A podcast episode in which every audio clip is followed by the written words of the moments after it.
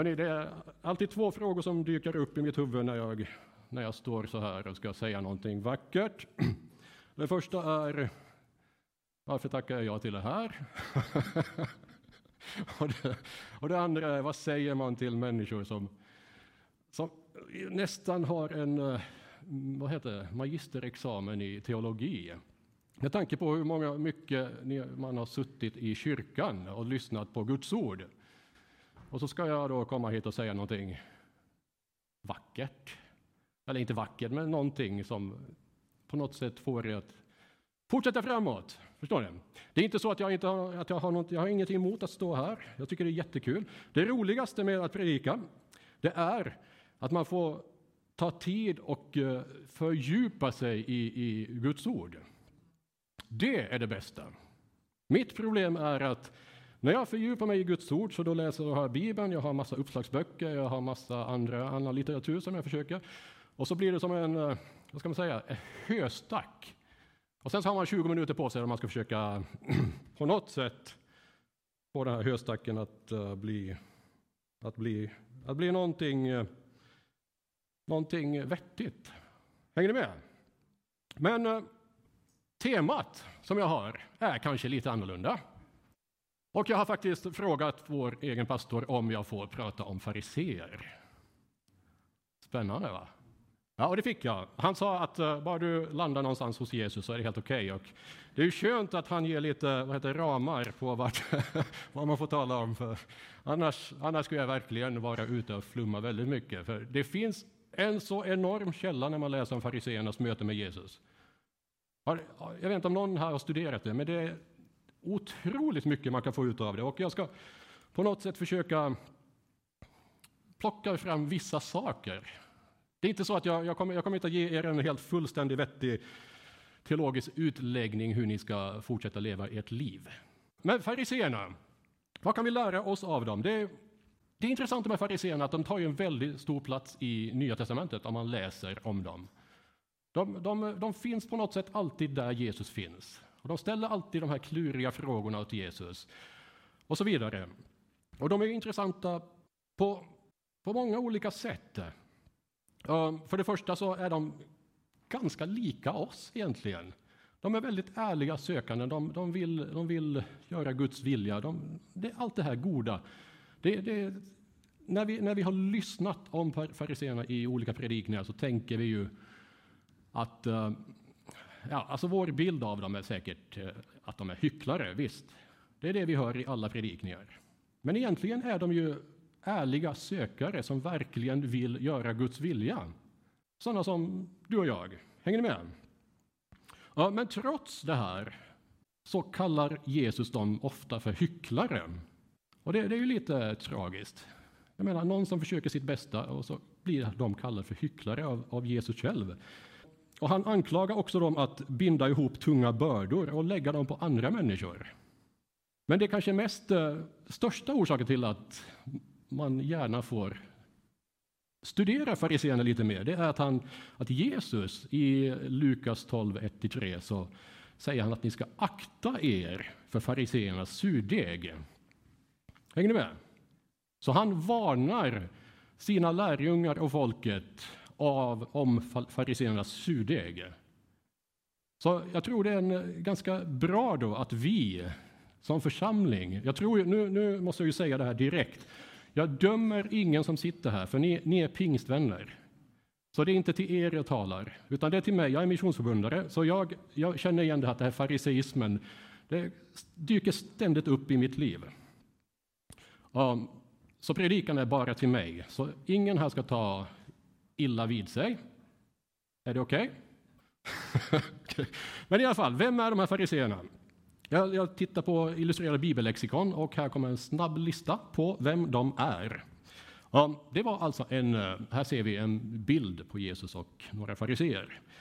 Ja, det var en religiös och politisk rörelse inom judendomen och eh, de kallades oftast för en oppositionsgrupp av den orsaken att eh, de var lite opposition mot den här religiösa makten. Ni vet saddukeerna som höll till vid, i templet och prästerna. De var också i opposition mot uh, den politiska makten, romarna som kom dit, Fariséerna tyckte inte riktigt om att de skulle vara där. Jämfört med saddukeerna som var vänligt sinnade till eh, romarna. Och så var de eh, i opposition till den här okunniga hopen som eh, inte riktigt brydde sig i att till varje punkt och pricka följa eh, Guds bud. Guds vilja helt enkelt. Så det var de. Ehm, och deras strävan var att, eh, att, att förverkliga Guds vilja, både i samhället och i sitt eget liv. Och deras logik var på det sättet att Gud, han har uppenbarat sin goda vilja i, i Toran, alltså i de här fem första böckerna i Bibeln. Och där finns hans goda vilja. Och människan har en fri vilja, vilket betyder att då kan människan med sin fria vilja, alltså de har förmågan att lyda Gud. Det är ju väldigt vackert tänkt. Det är ganska logiskt, mänskligt logiskt, visst. Ja. Och så tänkte de att Messiasriket, Messiasriket, att det kommer, nu läser jag här, eh, det kan endast påskyndas genom att ett så fullständigt förverkligande som möjligt av Guds vilja. Så om tillräckligt många människor gör det här, följer Guds lag och gör Guds vilja, så då, då träder Messiasriket fram. Spännande, va? Ja, och nu tror ju vi väldigt, när vi, när vi läser om fariséerna, att de är väldigt konservativa, men förhållandevis var de ju ganska liberala. Till exempel sadukéerna, de trodde enbart på Toran, fem Moseböckerna, eller fem första böckerna åtminstone, i Bibeln. Det var enda uppenbarelsen från Gud. Medan fariséerna hade lite andra principer. De, de tänkte att uh, att man kan utveckla lagen beroende på situationer. Ni vet. Om, om kontexten ändras så kan jag också ändra eh, min tillämpning av lagen. Va? Ni får höja handen om ni inte hänger med. Och så, ja, plus det här att de år 100 före, före Kristus så försökte fariséerna också demokratisera den judiska religionen genom att eh, flytta det här eh, ja, flytta själva religionen, tillbedjan och sånt från templet till, till, till samhället, till synagogor. Så de, de tänkte att eh, vi, vi, vi ska inte bara tillbe Gud i templet och i Jerusalem, vi ska kunna tillbe honom också på andra ställen i, i samhället. Ja, och tillbedjan var inte de här blodiga offren som saddukeerna höll på med, utan eh, det är bön och studie av Guds lag. Och eh, tillbedjan gör man då i, i, i, i, i synagogan. Um, utöver det här så studerar, som jag sa tidigare, att uh, de kunde ändra lagen lite, så de hade någonting som kallades för um, det äldstes råd, nej, äldstes stadgar heter det, som i stort sett var en munt, muntlig tradition. Som de menar att det här härstammar från Mose och så har det gått i arv, den här muntliga traditionen, till oss fariseer som nu lever på Jesu tid. Och man måste, eh, enligt deras princip så måste man kunna bekräfta eller rättfärdiga sin, sin tolkning genom tidigare fariseer. Så man får inte bryta kedjan, utan en skriftlärd ska föra det vidare till nästa skriftlärd som för det vidare till nästa skriftlärd. Och på så sätt så håller man den här kedjan med muntliga traditioner. Så det är lite om fariseerna. Hänger ni med? Ja. Men som sagt, trots det här så kallade Jesus dem för hycklare. Jag menar, om någon, om någon skulle komma hit och säga att vi, vi kan tillbe Gud, inte bara i templet, utan vi får tillbe honom lite vad som helst. Jag tror ingen här skulle höja på ögonbrynen. Va? Nej. Eller om någon överhuvudtaget skulle tala om tillbedjan. Vi skulle tycka det är helt okej. Eller om någon skulle komma hit och säga att ja, vi ska följa Guds vilja. Ingen här skulle ju reagera så mycket. Om, ja. Så det var, det var det de predikade, det var det de ville. Och ändå kallade Jesus dem för hycklare. Och han varnar också för deras surdeg. Ja. Så jag tänkte vi skulle läsa lite om de här mötena som Jesus hade med fariseerna och försöka klura ut, eh, inte ni då, utan jag. Hur, hur förhåller jag mig till de här texterna? Är jag, har jag en tendens, jag menar, är Jesus varning för den här surdegen, gäller det mig? Ni, ni är ju helt befriade, för ni är pingstvänner. Men jag, som är missionsförbundare, hur ser det ut? Så vi ska titta till exempel deras tillämpning av lagen. Ja, ska vi se om det här går. Ja. Det var ju så att fariseerna, eh, om vi, när vi läser om dem i Bibeln, så, så, så vad heter det, påpekar de ganska ofta hur både lärjungarna och Jesus levde. Ja, de frågar till exempel varför gör ni sånt som inte är tillåtet på sabbaten? När eh, fariséerna, nej, lärjungarna var ute och plockade palm, nej vad är det, vete, va? Ax. Jag har en språkvårdare här som sufflerar. Heter det sufflerar? I alla fall. ax. Och då blev fariséerna väldigt förvånade. Hur i hela världen kan de göra det? Eller så de frågar varför tvättar inte lärjungarna händerna innan de äter? Det är inget fel att tvätta händerna, det är jättebra. Eller Jesus förundrar de sig över att han sitter och äter med syndare. Sådana saker kom de upp med. Och eh, vi ska läsa i Markus eh, 7 och eh, 5 är det. Nu står det bara en liten del av det här. Det blir så mycket annars. Men där står det att eh, ja, fariseerna och skriftlärde frågade honom varför följer inte dina lärjungar det äldste stadgar utan, med, utan äter med orena händer? Han svarade dem, Jesaja profeterade rätt om er, ni hycklare. Det står skrivet, detta folk ärar mig med sina läppar, men deras hjärtan är långt ifrån mig. Deras vördnad om mig är meningslös, för lärorna de lär ut är människobud. Ni överger Guds bud och håller er till människors stadgar. Han sade också till dem, ni upphäver skickligt Guds bud för att upprätthålla era egna. Jag kan inflika här att här kom det faktiskt positiv respons från Jesus. De var skickliga på att upphäva Guds bud, hur man nu ser det. Um, sen ger Jesus ett exempel.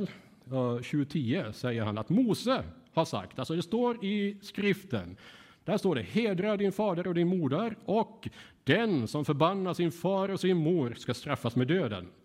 Men ni påstår att om någon säger till sin far eller mor att eh, du kunde fått det du kunde fått som hjälp av mig låter jag istället bli korban, alltså tempelgåva, i stort sett nästan kollektes. Då tillåter ni inte längre att han gör, det no gör något för sin far eller sin mor. Ni upphäver Guds ord genom att era egna stadgar som ni för vidare. Och ni gör många andra liknande saker. Där kom den.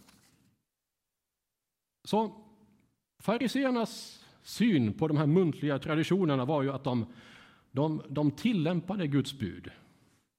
Jag menar, eh, när de följde de muntliga traditionerna så gjorde de det som Guds bud sa att de skulle göra.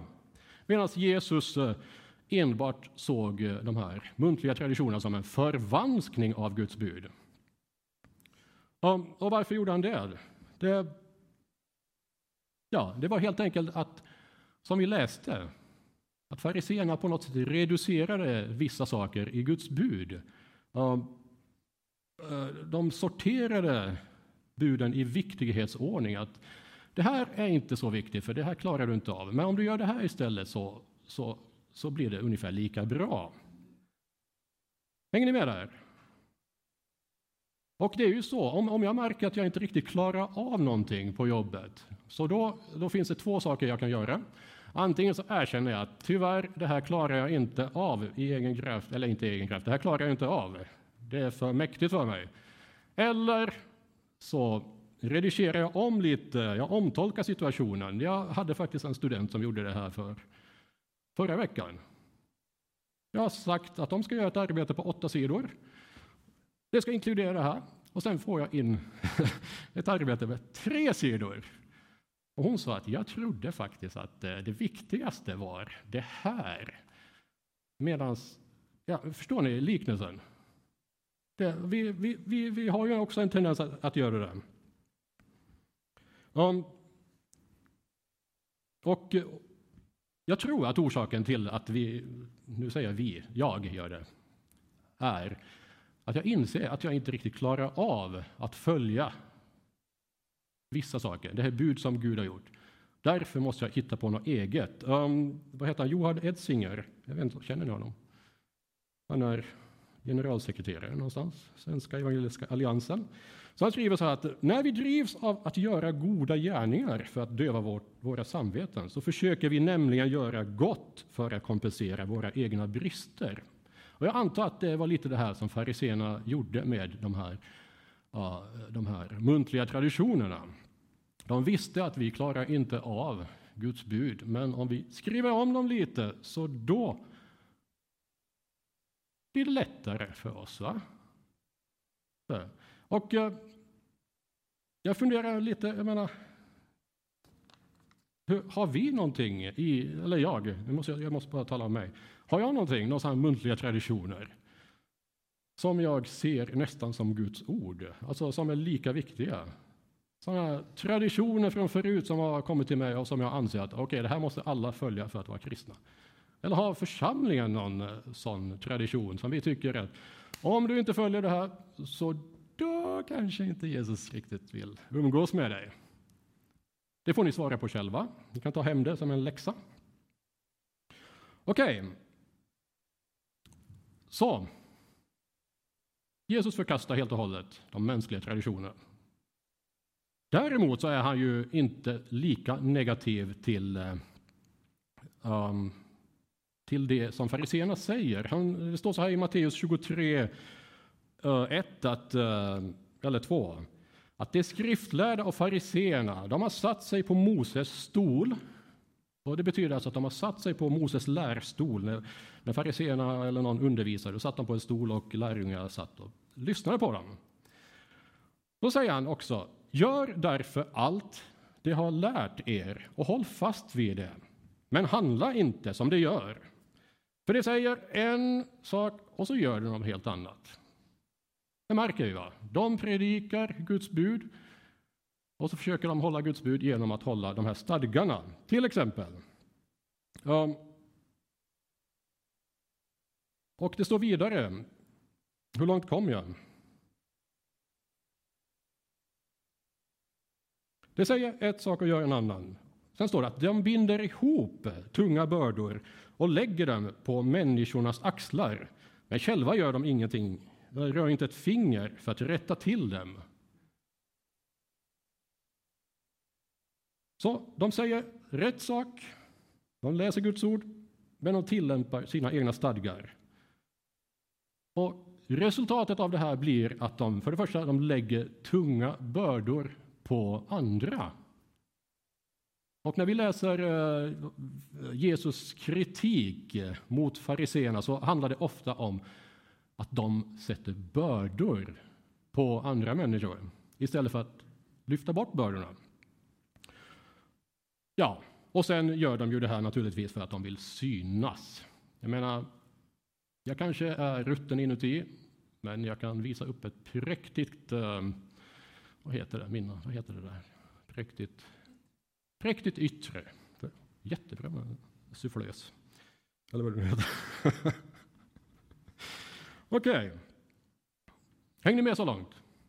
Ni märker att jag bara svävar över de här eh, bibeltexterna för att vi har inte tid att gå igenom alla så noga. De frågar sen också Jesus själv vad han tycker. Jag menar, i, nej, i, i Matteus 22.36 så kommer fariséerna till, eh, till Jesus. De ska testa honom. Och de frågar Mästare, vilket är det största budet i lagen? Och han svarar Du ska älska din Gud av hela ditt hjärta, av hela din själ, av hela ditt förstånd. Det är det största och första budet. Sen kommer något som liknar det. Du ska älska din nästa som dig själv. Och det intressanta det är följande. Det är när han säger att på dessa två bud, alltså två bud kommer Jesus med. På dessa två bud hänger hela lagen och profeterna.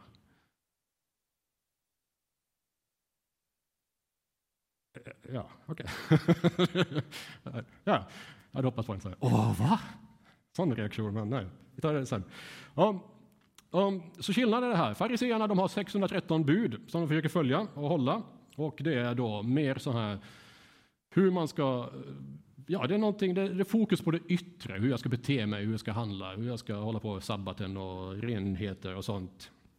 Och de är möjliga att prestera. Det jag menar, står det att eh, du ska ära vilodagen. Du får bara gå eh, tre kilometer. Då är det ganska lätt att, att följa det. Jesus, han har två bud. Och det är fokus på det inre Alltså det är något som måste komma inifrån. Älska Herren din Gud av hela ditt hjärta, hela ditt förstånd och hela din själ. Så är det i fel ordning. Och älska din nästa som dig själv. Det, det, är inte liksom någonting jag kan prestera. Är det? Jag, jag som missionsförbundare menar jag. Det är annat med er. Är jag elak när jag säger så? Jag vet inte. jag har makten att säga vad jag vill. Okej, okay. men orsaken till det här, det är, vi, vi, vi, vet ju egentligen orsaken till det här. Det är synden i fariseernas liv. De klarar inte av att hålla den standard som Gud har lagt på dem, utan de eh, försöker skriva om Guds bud för att det ska vara möjligt att att, att, att, att följa dem. Matteus 23, 27 säger Jesus till dem att ve er skriftlärda och fariseer, ni hycklare, som är, ni är som vitkalkade gravar. Vitkalkade gravar, där borta så kalkade man graven för att det ska se fin ut. Så. Utanpå ser ni prydliga ut, men inuti är det, är det fulla av det dödas ben och annat orent. Så varför klarar de inte av att hålla Guds bud? Jo, de är döda inuti. Och eh, vi vet att ett gott träd kan inte ge, eller menar, ett ont träd kan inte ge go, god frukt. Så det säger ju sig själv. Det säger någon, eller Jesus som säger det i Matteus. Ja, det är väl Jesus, ja. Så det säger ju någonting om fariséernas liv. De, det kan inte komma något gott ur synden. Och Romarbrevet 3.20 säger, 3, säger att eh, genom laggärningar blir ingen människa rättfärdig inför Gud. Vi kanske kan rättfärdiggöra oss inför varann, men inte inför Gud. För lagen kan bara ge insikt om synd. Men vi, vi, är ju människor, så vi har ju en tendens att ge en glansbild av oss själva. Har ni tänkt på det? Är det någon som är på Facebook här? Några stycken, okej. Okay. Jag menar, jag har nästan slutat gå på Facebook. Det, det är ju där, där visar man upp det här. Titta vilken härlig mat jag har råd att äta. Eller så visar man bilder och titta vilka, hur mycket vänner jag har. Och så. Det är något, man vill ge sken av att man, man är riktigt duktig. Det var bara ett exempel. Ja. Det var det första, alltså synden. Det är då hindret för fariséerna att kunna gå vidare, kunna komma inför Gud, kunna göra hans vilja. Och det andra, det är deras syn på, på, på, på lagen, alltså på Tora, på fem böckerna i Bibeln som de studerar. För de fokuserar väldigt mycket på hur jag ska handla. Men om man läser, om ni har läst Gamla Testamentet så, så, så går det ut på det här att eh, Jesus eller Jesus, Gud. Gud, till exempel Mose, han går upp och bär redfår i de här stentavlorna där första budet är du ska inga andra gudar hava. Visst? Och sen ganska direkt efter så pling så har judarna skapat sin egen gud. En, eh, alltså en oxe, en guldoxe var det väl. Och så håller ju det på i hela Gamla testamentet. Judarna syndar, de får nya lagar, sen syndar de igen, de får nya lagar, de syndar igen och så vidare. Så ja, det är ju lite märkligt ändå att fariseerna fortfarande tycker att det är en god idé att vi håller de här. Okej, okay, de andra har misslyckats, men jag, vi, vi, vi kan göra det här. Vi ska få fram Messiasriket så de har, väldigt, de har fokuserat väldigt mycket på, på buden i, i, i Guds ord. Och de har missat helt och hållet Guds frälsningsplan som i stort sett står i samma skrift. Och Jesus, när han träffar dem, säger han så här att ni forskar i skrifterna för att ni tror att ni har evigt liv i dem. Det är just det som vittnar om mig. Men ni vill inte komma till mig för att få liv. Så det Jesus försöker säga till fariséerna är att här är jag, kom till mig. Ja, vi har, eh, jag ska inte läsa allt, vi har inte så mycket tid. Jag försöker alltid hålla tiden. Ja, vi kan ta, vad heter han, Nikodemus. Har ni hört talas om Nikodemus? Det måste ni, ha gått i söndagsskolan, så ni kan det där. Okej, okay. han, han var ju eh, farisé och medlem i rådet. Och eh, antagligen så börjar Nikodemus se, inse att han verkligen var den här hycklaren. Han klarar inte av att leva enligt Guds vilja. Ja, så han kommer till Jesus en natt. Och uh, egentligen frågar han ingenting. Rabbi, vi vet att du är från Gud, säger han i Johannes 3, 1. Att du har kommit från att du har kommit som lärare. Ingen kan göra sådana tecken som du utan att Gud är med honom. Och då säger Jesus, sannerligen jag säger dig, den som inte är född på nytt kan inte se Guds rike. Född på nytt, det kan också översättas med född ovanifrån. Alltså, den som inte får ett gudomligt ingripande kan inte, födas, eller kan inte se Guds rike. Det är det han säger. Um, så hoppar vi till 13, där det står att ingen har stigit upp till himlen utom den som stiger ner från himlen, Människosonen. Liksom Mose hängde, liksom Mose hängde upp ormen i öknen så måste Människosonen upphöjas för att var och en som tror på honom ska ha evigt liv. Så älskade Gud världen att han gav den sin enda son för att de som tror på honom inte ska gå under utan ha evigt liv. Ty Gud sände inte sin son till världen för att döma världen utan för att världen skulle räddas genom honom. Och det här var Guds uh, frälsningsplan som han sen uh, visar till Nikodemus. Så då är frågan, uh, behöver då Nikodemus inte följa buden? Eller följa Guds vilja? Är det så? Ska jag lämna er med den här frågan? Nej, det är tvärtom. För nu har vi fått nåden att växa enligt Guds vilja. Alltså vi har fått, när, när vi tar emot Jesus som vår frälsare så har vi ju fått möjligheten att... För, alltså, ja, vi har fått förutsättningar att ändras, att växa i gemenskapen med Gud. Det står i Romarbrevet 12.2 att eh, låt er förvandlas genom sinnets förnyelse så att vi kan pröva vad som är Guds vilja, Um, ja, jag kan ta avsluta med um, uh, Anders Germar, en teologidoktor, som talar om nådens rum.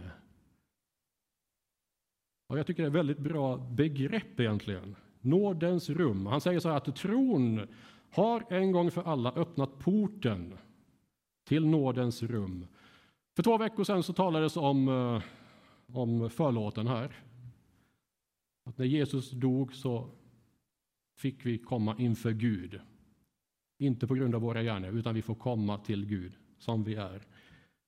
Um, och Anders säger, tron har, gett, har en gång för alla öppnat porten till nådens rum. Och där är vi, där lever vi, därifrån försiggår allt i vårt kristna liv.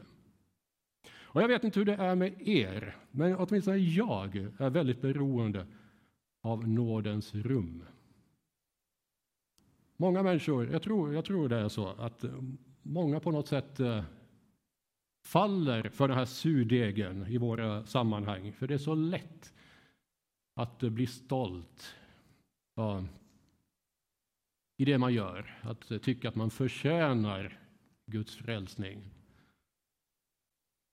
Och det är vad fariséerna försökte och då känner man antingen stolthet över det man gör, man tycker att okej, okay, jag är väldigt duktig, eller så känner man ett väldigt misslyckande. För att jag når inte upp till det som jag vill göra. Men nådens rum är något helt annat. Där har Jesus gjort allt. Och i nådens rum kan vi förvandlas. Så poängen med hela predikan det är ett, gå och studera fariseerna. Vi har mycket att lära av dem. De var ärliga människor som sökte Gud. Två, sök också nådens rum. Som inte fokuserar på dina prestationer, utan ett, en plats där du kan bli förvandlad. Det var det jag hade att säga. Ja, Okej, okay, Herre, jag vill tacka dig för, jag vill tacka dig egentligen för fariseerna, för, för det som vi får lära oss av dem. Att det inte är på grund av våra egna gärningar som vi får komma inför dig, Herre, utan det är på grund av att du har dött på korset. Jag vill tacka dig, Herre, för att vi får, vi får lägga våra synder på korset. Vi får dö med dig, Herre, vi får uppstå med dig, Herre, till ett nytt liv, Herre. Vi tackar dig för ditt ingripande i våra liv. Att, ja, att vi får födas på nytt, att vi börjar om, Herre, och att du, Herre, lever i våra hjärtan och att du vill skapa oss till den som du har tänkt oss att vi ska vara, Herre. Och jag ber också, Herre, att det här ska få bli en verklighet i den här församlingen. Att det inte ska vara en fariseisk församling som, som lägger bördor på människor som kommer hit, utan en församling, Herre, som, som visar på din nåd, Herre. Att oberoende av vad de har gjort, oberoende av vem de är, Herre, så får de på grund av Jesu död på korset, Herre, så får de komma inför dig. Och att de där också kan förvandlas och växa, Herre. Och att vi får, att vi får vara bröder och systrar här som hjälper dem att komma inför din tro. Jag ber Herre att det här ska få bli en verklighet här i Nickby, i Sibbo, Herre. Att folk ska börja få inse att, att du inte kom för att döma världen, utan du kom för att för de förlorade, Herre, för att ge liv. Amen.